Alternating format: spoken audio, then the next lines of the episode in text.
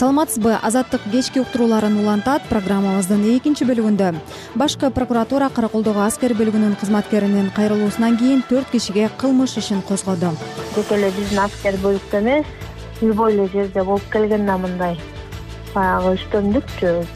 Жетекчиси он эки жылга кесилген иксан кооперативинин кийинки жагдайы эми кандай болот? Үй алып үлүшчү болгондор мүлкүн кайтарып береби айтор башынан катанын баардыгы кооператив түзүлүп атканда жеткен да ошондуктан бул кайра мыйзамдуу жолго түшүүсү өтө бүдөмүк болуп көрүнүп атат да бул жердечи ошондой эле кыргыз республикасынын баатыры дооронбек садырбаев тууралуу атайын баяныбыз бар.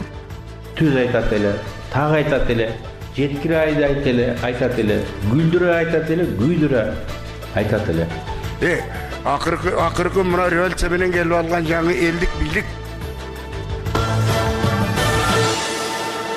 саламатсыздарбы жыйырманчы февралдагы кечки уктурууларыбыздын экинчи бөлүгүн баштайбыз. Берүүнү мен кундуз кызылжарова алып баруудамын азыр соңку жаңылыктардан санжар эралиев айтып берет кутман кеч израиль шейшембиде газа тилкесин абадан сокку урду эл аралык агенттиктер акш жана европа биримдиги террордук деп тааныган хамас радикал уюму башкарган аймактын саламаттык сактоо министрлигине шилтеме менен жазганына караганда акыркы жыйырма төрт саатта жүз үч палестиналык израилдик аскерлердин соккусунан каза тапты.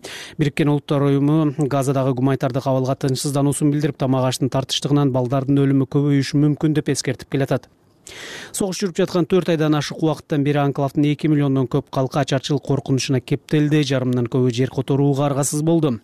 Дүйнөлүк державалар кризистен чыгуу жолдорун издеп жатышат шейшембиде бириккен улуттар уюмунун коопсуздук кеңешинде ок атышууну токтотуу резолюциясы каралмакчы бирок акш ага вето коеру күтүлүүдө дүйшөмбүдө евро биримдиктин венгриядан башка бардык мүчөлөрү токтоосуз гуманитардык тыныгууга израилде бир жарым миллиондой палестиналык агылып келген газанын түштүгүндөгү рафах шаарына басып кирбөөгө чакырышты.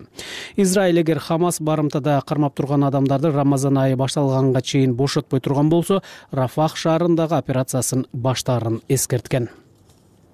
Ысык көлдөгү кызыл омпол кенин мамлекет өзү иштетүүнү пландап жатат. Бул тууралуу президент садыр жапаров балыкчы шаарында эл менен жолугушканда билдирди миңден ашык жаңы жумушчу орун пайда болот. Экинчи кумтөр пайда болот. Бул деген сөз бул жергиликтүү бюджет дотациядан чыгат. Республикалык бюджетке э, салыктар түшөт. Э, пайдасы жүз пайыз биздин кыргызстанга калат расмий маалыматка ылайык кызыл омполдо болжол менен он төрт миллион жети жүз элүү жети миң тонна кен бар. Анын ичинен токсон беш пайызы титаномагнетит калганы фосфор цирконий тория жана уран. Садыр жапаров кызыл омполдо урандын кени аздыгын кен иштетиле турган болсо уран жана торий кендерине геологиялык изилдөө иштерин жүргүзүүгө жана иштетүүгө тыюу салган мыйзам өзгөртүүлөрүн кошумчалады. Эки миң он тогузунчу жылы кызыл омпол уран кенин иштетүүгө байланыштуу нааразылык акциялар өткөн. Ошондон улам өкмөт кенди казганып жаткан кыргызстандагы юразия компаниясынын лицензиясын токтоткон. Орус армиясы акыркы суткада харьков украинанын харьков полтава николаев жана башка бир катар облустарын бутага алды. Азаттыктын украин редакциясы жазгандай полтавада өнөр жай объектисин өрт чалды эч ким жабыркаган жок. Днепропетровск облусунун аскердик администрация башчысы билдиргендей дрондун сыныктары дачаларга кулап түшкөндө үч турак үйгө жана эки машинага зыян тийди.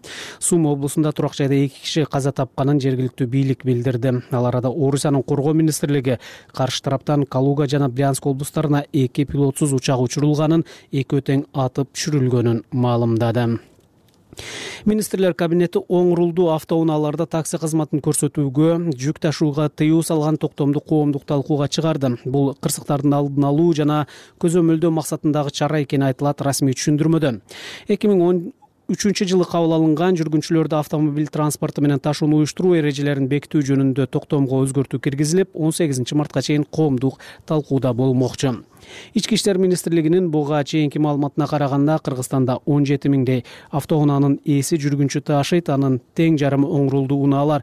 Министрлик жол кырсыктарынын алтымыш пайызы оң унаалардын айынан болоорун белгилеп келет былтыр жыл этегинде бишкек шаарында жана жалал абад облусунда ташталган ымыркайлардын апаларын энелик укуктан ажыратуу каралып жатат. Азыркы тапта балдар жакын туугандарынын колунда жана фостердик үй бүлөдө багылууда. Бул тууралуу эмгек социалдык камсыздоо жана миграция министринин орун басары жаңыл алыбаева азаттыкка билдирди. Мындай окуяларды болтурбоо үчүн министрлик үй бүлө кодексин иштеп чыгууну көздөөдө азыркы күндө биздин эксперттик э, жумушчу топ иштеп чыгып э, анан мына талкууга чыгарабыз. Документте ымырк айын таштаган ата энелердин жоопкерчилиги каралат коомчулукта төрөп бирок багууну каалабаган энелер үчүн наристесин калтыруучу атайын жайларды ачуу зарылдыгы тууралуу маселе көтөрүлүп келатат. Адатта мындай окуяларда энелер сынга кабылып аталардын жоопкерчилиги дээрлик сөз болбой кала бергенин укук коргоочулар такай белгилешет айыл чарба министрлиги багбанчылыкты өнүктүрүүнүн төрт жылдык программасын коомдук талкууга койду. Расмий кабарга ылайык өкмөт багбанчылыкка дээрлик эки миллиард сом насыя берүүнү көздөп турат. Андан тышкары ондон ашуун мамлекетке мамлекеттик көчөткана жыйырма беш кооператив түзүү максаты бар. Ошондой эле жерди өздөштүрүү соода логистикалык борборлорун кампаларды жана муздаткычтарды курууга көңүл бурулмакчы. Бул программа экспорт жана тышкы соодадагы атаандаштыкка жөндөмдүүлүктү жогорулатууну көздөй турганы айтылат. Расмий маалыматта рахмат жаңылыктар менен микрофондо санжар эралиев болду. Урматтуу каарман сиз биздин азаттык чекит орг сайтыбызга да баш багып кенен чонон жазылган баяндарды окуп подкаст угуп видео программаларыбызды көрсөңүз болот. Негизги темаларга өтөбүз эми.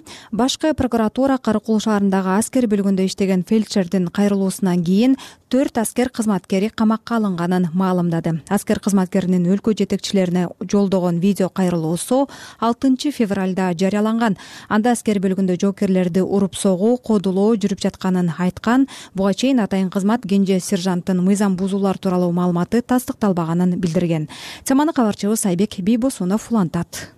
Аскер прокуратурасы кара кол шаарындагы аскер бөлүгүндө фельдшер болуп иштеген жылдыз асанакунованын айткандары боюнча ириктөө жүргүзүп кылмышка шектүү катары полковник чининдеги аскер бөлүгүнүн командири анын орун басары прапорщик жана жеке ишкер кармалганын маалымдады аларга кызмат абалынан кыянаттык менен пайдалануу кызматтык жасалмачылык ишенип берилген мүлктү ыйгарып алуу коротуу жана ден соолукка анча оор эмес залал келтирүү беренеси менен кылмыш иши козголгон.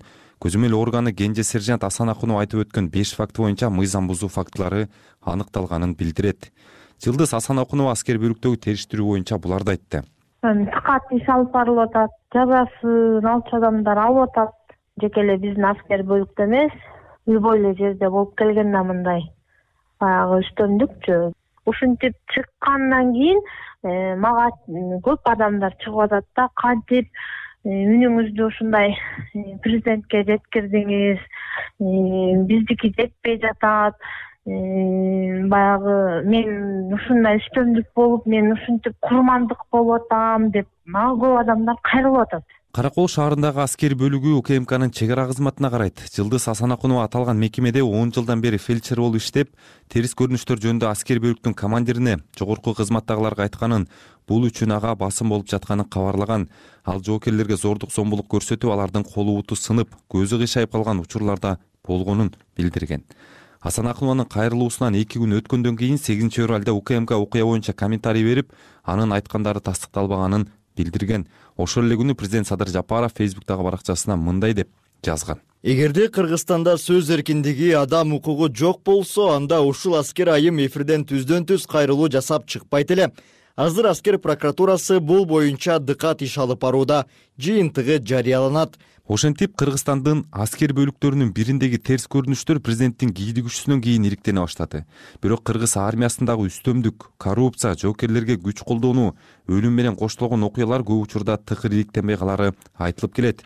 Укук коргоочу аскерден жабыркагандар менен иштешип жүргөн кылым шам уюмунун жетекчиси гүлшайыр абдурасулова мындай дейт илгери биз биз кирип көзөмөл жүргүзүп жарандык көзөмөлүбүздүчү анан ошол жерде солдаттар менен сүйлөшүп неме болгондо бир кандайдыр тенденцияны көрөт элек да дедовщина барбы жокпу дедовщина бар болсо кандай?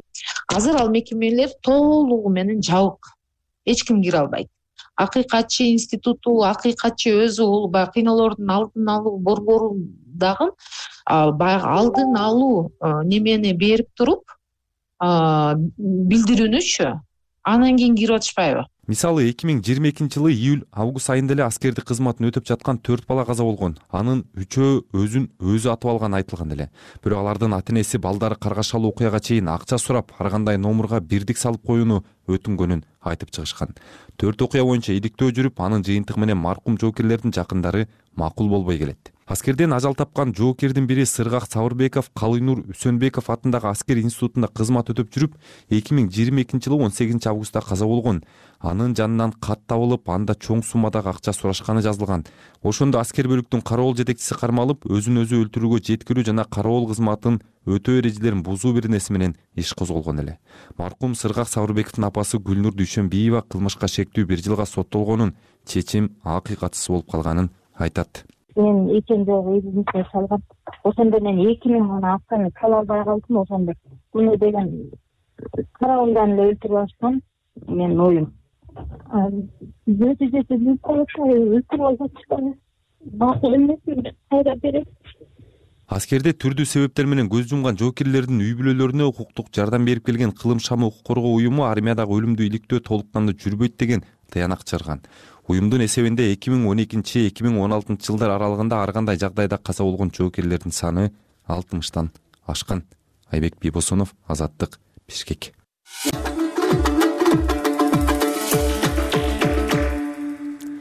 өткөн апта соңунда бишкектин биринчи май райондук соту ихсан коммерциялык эмес турак жай кооперативинин башчысы акинай бекмурзаеваны он эки жылга кооперативдин дагы бир кызматкери эрмат абылкасымовду он бир жылга кесип сот залынан камакка алды.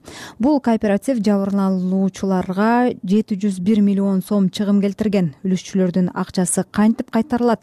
Кооперативдин кийинки жагдайы кандай болот? Ушундай суроо салгандар көп болууда биз дагы жооп издеп көрдүк ихсан кооперативине акчасын салып жеүүдөн же каражаттан жок калдым деген бишкектин тургуну эки миң жыйырма биринчи жылы он сегиз миң долларын батир сатып алуу үчүн бергенин айтууда. Ал өз ысымын ачык айткысы келген жок. Алгач кооператив тууралуу интернеттеги жарнамалардан уккан. Айтылган убагында батир сатып ала албай калганда алданганын билгенин айтып жатат. Ал дагы каражатын кайра кайтарып алуу максатында ондогон үлүшчүлөрдүн катарында милицияга арызданып сот чечимин күткөн бирок чечимден кийин эми кандай болот деген суроого такалганын айтууда. Албетте өзүмдү миң жолу урушуп миң жолу сорооттум мени акчасын топтосун деп аяп ата энем уулум менен кызымды карап берип жатышкан мына үйлүү болом мына балдарым менен барып бапырап жашайм деп канча кыялдандым. Арыз жазып акинай бекмурзаева камалгандан кийин ар бир соттук отурумга барып аттык чечим чыккыча улам бирөө арызыңды кайтарып ал жазба деп атышты дагы бирөө келип жазганың туура болду эми акчаңды кайтарып берет дешти. Айтор өз билимиң жок болсо ошентип ээрчиме болот экенсиң да. Азыр аны сот он эки жылга кескени менен биздин акчаларды ким кайтарып кайтарары тууралуу маалымат жок. Түшүндүргөн бир да адам жок калдык да. Деди ихсан кооперативине үлүшчү болуп кирип атын атагысы келбеген каарман кооперативдин расмий сайтындагы маалыматтарга караганда мекеме ачылып иш алып баштагандан бери үч жарым миң кардар үйлүү унаалуу болгон. Бирок ошол эле маалда убагында турак жай алып бере албай калганын айткан үлүшчүлөрдөн укук коргоо органдарына миңге чукул арыз түшкөн алсак ихсандын бишкектеги кеңсесине төрт жүздөн ашык факты боюнча арыз түшүп жабырлануучуларга келтирилген чыгым төрт жүз жыйырма беш миллион сом деп эсептелген. Кооперативдин оштогу кеңсесине үч жүз отуз факты боюнча кылмыш иши козголуп эки жүз жетимиш алты миллион сомдон ашык материалдык чыгым келтирилгени аныкталган. Жалпы чыгым жети жүз бир миллион сомдон ашкан. Он бир жылга кесилген кооперативдин кызматкери эрмат абылкасымовдун адвокаты нурсултан утигенов менен байланышканыбызда ал абылкасымов өзүнө тагылган айыптар менен макул эместигин жана шаардык сотко даттанууга камданып жатканын билдирди. Мой клиент полностью не согласен ал жерде ишенип берилген мүлктү коротуу болгон эмес. Биз соттун чечимине макул эмеспиз. Ошондуктан арыз менен кайрылууну көздөп жатабыз тергөөнүн маалыматына ылайык азыр камакта турган ихсан кооперативине тиешелүү эки миңден ашык мүлк жана жүз миллион сом бар. Ал каражат күндөн күнгө көбөйүп келатат. Бул жерде эч кандай мыйзамсыз аракеттер болгон эмес. Ал арада адвокат акылбек жамалбек уулу да анын жактоосундагы акинай бекмурзаеванын күнөөсү жок экенин арестте турган мүлк жана каражат үлүшчүлөрдүн каражатын кайтарып берүүгө жетерин азаттыкка билдирүүдө. Жок албетте макул эмеспиз ал боюнча эми экинчи инстанцияда кайра каралат иш ал боюнча кененирээк маалымат беребиз да. Тергөө боюнча бизге маалым бирок соттук актыда кандай көрсөтүлдү? Азыр бизге маалым эмес. Тергөө боюнча эки миңге жакын кыймылсыз мүлк арестке коюлган. Каражат дагы азыр так суммасын айта албайбыз анткени убакыт өткөн сайын сумма чогулуп атат. Соткоо отурумда сот аткаруучулардын берген маалыматы боюнча уже жүз миллиондон ашык акча бар счетточу бул жерде эми кыскача айтканда присвоение растрата жок. Баардык акчанын орду эсеби бар. Деди камакта отурган акинай бекмурзаеванын адвокаты акылбек жамалбек уулу каржы маселелери боюнча эксперт best way элет турак жай кооперативинин түзүүчүлөрүнүн бири кубан чороев ихсан кооперативине байланыштуу соттун чечимин ишке ашыруу кыйын болот деп эсептейт бул жерде эң чоң өчүлүштүк иш кагаздарды жүргүзүүдөн болгон. Эгерде бухгалтериясы иш кагаздарды жүргүзүү баардыгы так болгон болсо жана ошо мыйзамда көрсөтүлгөн жоболордун негизинде иштеген болсо анда мүлктүн баардыгы ошо кооперативдин өзүндө катталып турмак төлгөн акчанын баардыгы ошо кооперативдин счетунда болмок да. Анан ошондо эч кандай проблема болмок эмес. Ошо кооперативдин мүчөлөрү жалпы жыйын өткөрүп эле бул жерден башчыларды шайлап кеңешин шайлап бир иретке келтирип туруп анан кийин татып маселени чечип салса болмок да. Эми бүгүнкү күндө албетте бул ыктыярдуу бирикме болгондуктан мисалы сот ошончо эменин баардыгын кандай механизм менен ишке ашырат мен элестете албайм. Биринчиден да айтор негизинен башынан катанын баардыгы ошо башынан кооператив түзүлүп атканда кеткен да. Ошондуктан бул кайра мыйзамдуу жолго түшүүсү өтө бүдөмүк болуп көрүнүп атат да бул жердечи. Экономист тергөө ишти сотко өткөрөрдүн алдында ушул маселеге көңүл буруп такташы керек эле деген пикирин кошумчалады. Албетте мындай чоң эме бар да.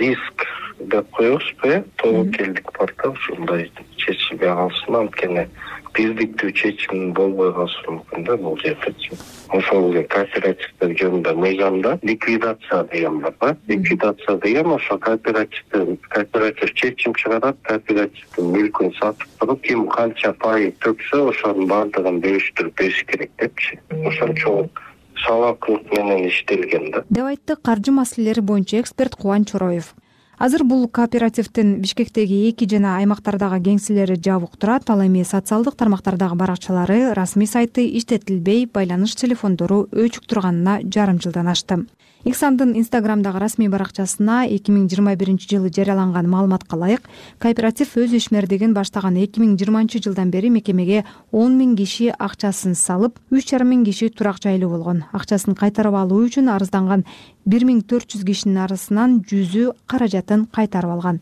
Кыргызстанда башка да турак жай кооперативдерине нааразы болгон бир нече акциялар өткөн. Аларда уюмдарга миллиондогон акча салып соңунда үй же башка мүлктөрдү ала албай калышканына даттанган.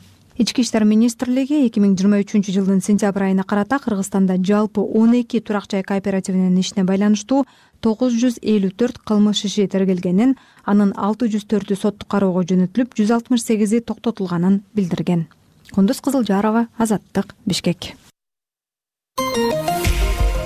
Азаттык социалдык түйүндөрдө фейсбукта кыргыз азаттык үналгысы threads жана инстаграмда азаттык чекит kg тиктокто азаттык чекит орг. Телеграмда жана твиттерде азаттык радиосу. Ал эми орусча баракчаларды азаттык медиа деп издеңиз. Дүйнөдөгү жана кыргызстандагы окуяларга биз менен бирге назар салыңыз. Жаңылыктар макалалар талдоолор видео жана сүрөт баяндар сиздин алаканда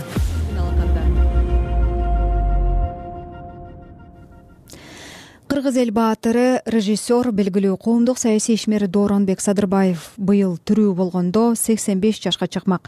Замандаштары доке деп атаган садырбаевдин саясий жолун өзүнчө чыгармачылыгын өзүнчө китеп кино кылып баяндаса түгөнбөйт деп эскеришет. Садырбаевдин сексен беш жылдыгына карата азаттык атайын тасма даярдады. Анын аудио версиясын сунуштайбыз. Кеп кесиптешим токтосун шамбетовдо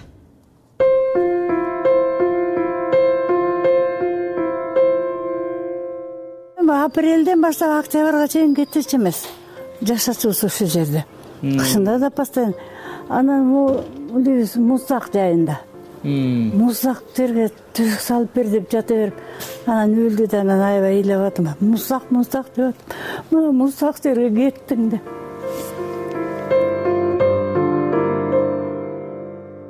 бир кезде кыргыздын саясий маданий каймактарынын аягы үзүлбөгөн бишкек четиндеги дооронбек садырбаевдин бул дачасына азыр байбичеси сонун эже жайкысын анда санда гана келип калды. Кыргыз эл баатыры режиссер белгилүү коомдук саясий ишмер дооронбек садырбаев быйыл тирүү болгондо сексен беш жашка чыкмак. Мына мои современники. Өзүнүн современниктеринин баарынын сүрөттөрү ушул жерде чогултуп чогултуп туруп эле бир жылда эле жасатып келди жумуштан. Жумуштан сүрөттөрдү өзү собирать этип помощниги э, жабыштырып жасап алып келип коюп койгонуна көп болду. Өзү тирүүкесин деле алып келип койду да. А муну эмне деп түшүндүрчү эле? Эми долларды көрдүңбү доллардын заманы келди деп. Биз өткөн заман болдук деп. Бул ошол замандаштары турбайбы? Э замандаштары бүт замандаштары кайрандар. Бул эми ушу в основном жок баары тең көп эле өлүп калды. Дооронбек садырбаев өткөн кылымдын жетимишинчи жылдары ак баранын көз жашы махабат дастаны сыяктуу белгилүү тасмаларында кара сөз чыгармаларында ырларында намыс акыйкаттыкты ачык баяндаса. Өлкө эгемендигинен кийин саясатка башын сайып авторитардык бийлик орноткусу келген бир эмес эки система менен күрөштү. Замандаштары доке деп атаган садырбаевдин саясий жолун өзүнчө чыгармачылыгын өзүнчө китеп кино кылып баяндаса түгөнбөйт деп эскеришет. Карыялардын тилин чайнатып приватизация прихватизация деп кылбай эле башынан эле таламай тономой деп эле койсок болмок экен. Он үч жылдан бери жүрүп аткан жанагы приватизациялардын результаты акыры келип таламай экенин билгенден кийин эми эле нары кыйшактатып бери кыйшактатып элдин башын айлантып атасыңар. Өнөр адам болгону менен дооронбек садырбаевдин саясатка барбай коюшу мүмкүн эмес эле. Дээринен акыйкаттыкты жактаган намыскөй адам өлкөнүн кыйчалыш учурунда карап турмак эмес ошентип ал кыргызстандын тарыхый окуяларынын огунда айланды. Чордонунда болду. Садырбаев саясатка активдүү аралашканга чейин эгемендиктин алгачкы жылдарында туркияда кино тармагында эмгектенип жүргөн. Койчу кой келбе деп жабышып атам ошол жакта эле. Биз баралы балам экөөбүз ошентип айтты бир убакта бир бир бала чыгат. Тарыхты окуйт кыргызстанда ушул убакта өткөл убак болгон экен. Ошондо камчы сапка жараган балдары жанын багып кетип калыптыр деп айтат. Океев туркияга садырбаев туркияга айтматов бельгияга э, кетип калыптыр деп айтат. Мен келем. Элдин наалатына калам. Эмне болсо да күрөшөм деди. Бир жыл публиковать этти анысын эч ким окуган жок да кой мен депутат болуп трибунадан сүйлөбөсөм угулбайт экен деп анан э, тапкан акчасын элге тараткан жок эми ээришип жүргөн балдарды тамак берип турган жери аны муну кылып ошентип өтүп келди э, эми ар бир таанымал инсан тарыхты калгысы келет каныбек иманалиев жогорку кеңештин мурдагы депутаты тандайт да дооронбек садырбаев президент да болгон жок премьер министр да болгон жок губернатор да болгон жок министр да болгон жок. Бирок алардан да бийигирээк туруп элдин эсинде калды да. Кыргызстандагы бүт саясий процесстерге аралашты депутат боло электе эле. Мен билем э, плакаттарды илип алып ак үйдүн жанында жалгыз өзү митинг кылган учурунан барып интервью алган күндөрү болгон. Докенин саясатка келген жолу өтө жеңил болгон жок. Себеби бул адегенде өтпөй калды. Анан жана сиз айткандай балким куугунтукту көрдү жанагынтип э, саясий процесстерге катышты.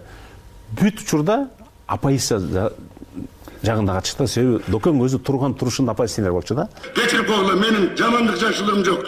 Анда мен э, жыйындын акырында мамлекетти башкара албай калгандыгы үчүн граждандардын камсыз э, коопсуздугун камсыз кылбай кыла албагандыгы үчүн президенттин өзүнө импичмент деп чыгам мен. Анан биз кочкор атага бардык кочкор атада стадиондо эл деген бир он миңдей эл аябай көп. Исмаил исаков жогорку кеңештин мурдагы депутаты. кээ бирлерин кет деп атап эми кийин айтып беришкен да мындай э, укпагыла дегендей элди бирок эл ошого карабай келип отурушат стадиондо анан мен сүйлөдүм текебаев сүйлөдү э, адакан сүйлөп атат. Бир убакта доке бир сөз айтып туруп элди өзүнө тартты анан биз деле сезбей калдык. Эмне эле болуп кетти? Десе кийин ыргып туруптур ошол жерден ошо жана отурган жерден биз сүйлөп аткан стадиондун полесине жүгүрүп келишип бири докени көтөрүп кетти бири адаханды бири мени алып эми эл деген өзүнчө башка да?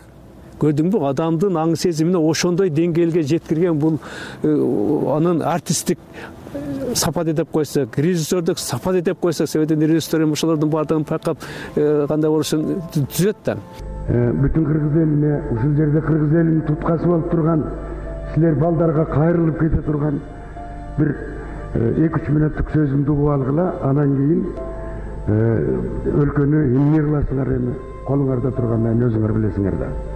Дооронбек садырбаев бир миң тогуз жүз токсон бешинчи жылдан тартып көз өткөнгө бир жыл калган эки миң жетинчи жылга чейин жогорку кеңештин депутаты болду.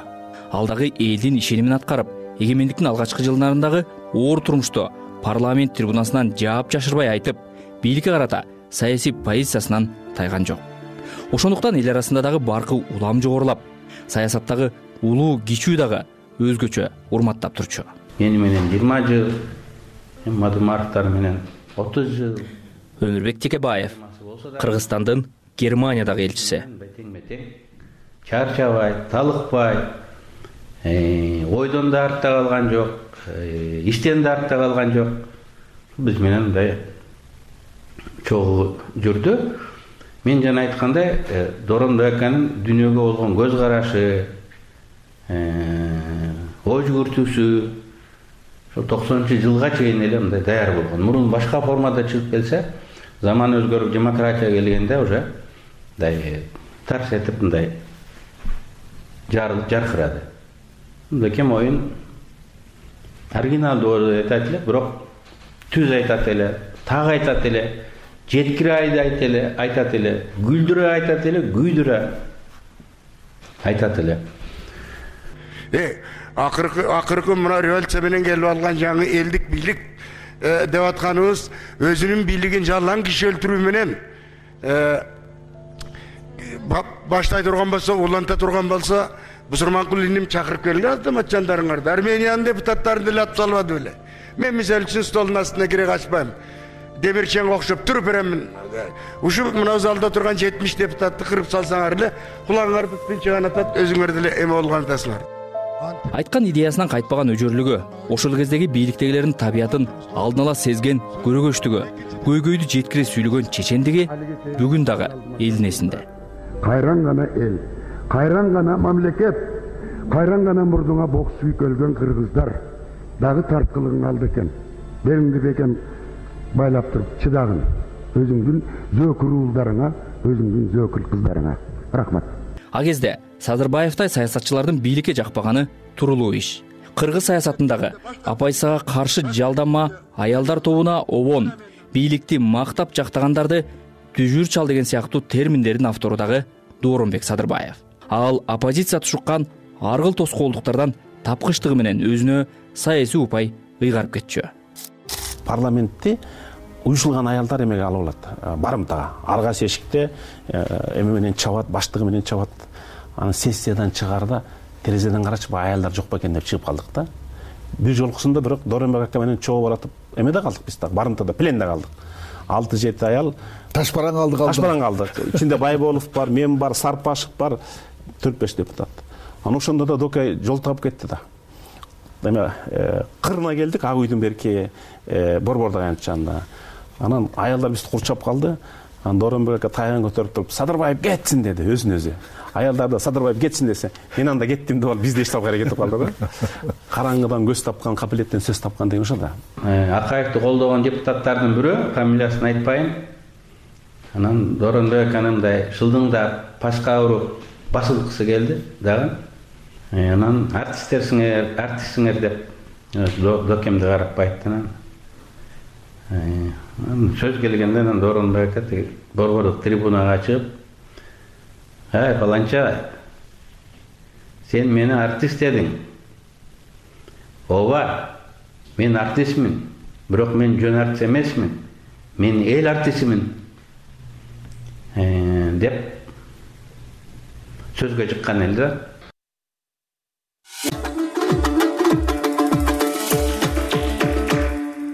Кадырман угарман сиз токтосун шамбетов даярдап алып чыккан атайы чыгарылышты уктуңуз анын видео версиясы биздин ютубтагы каналыбызда турат.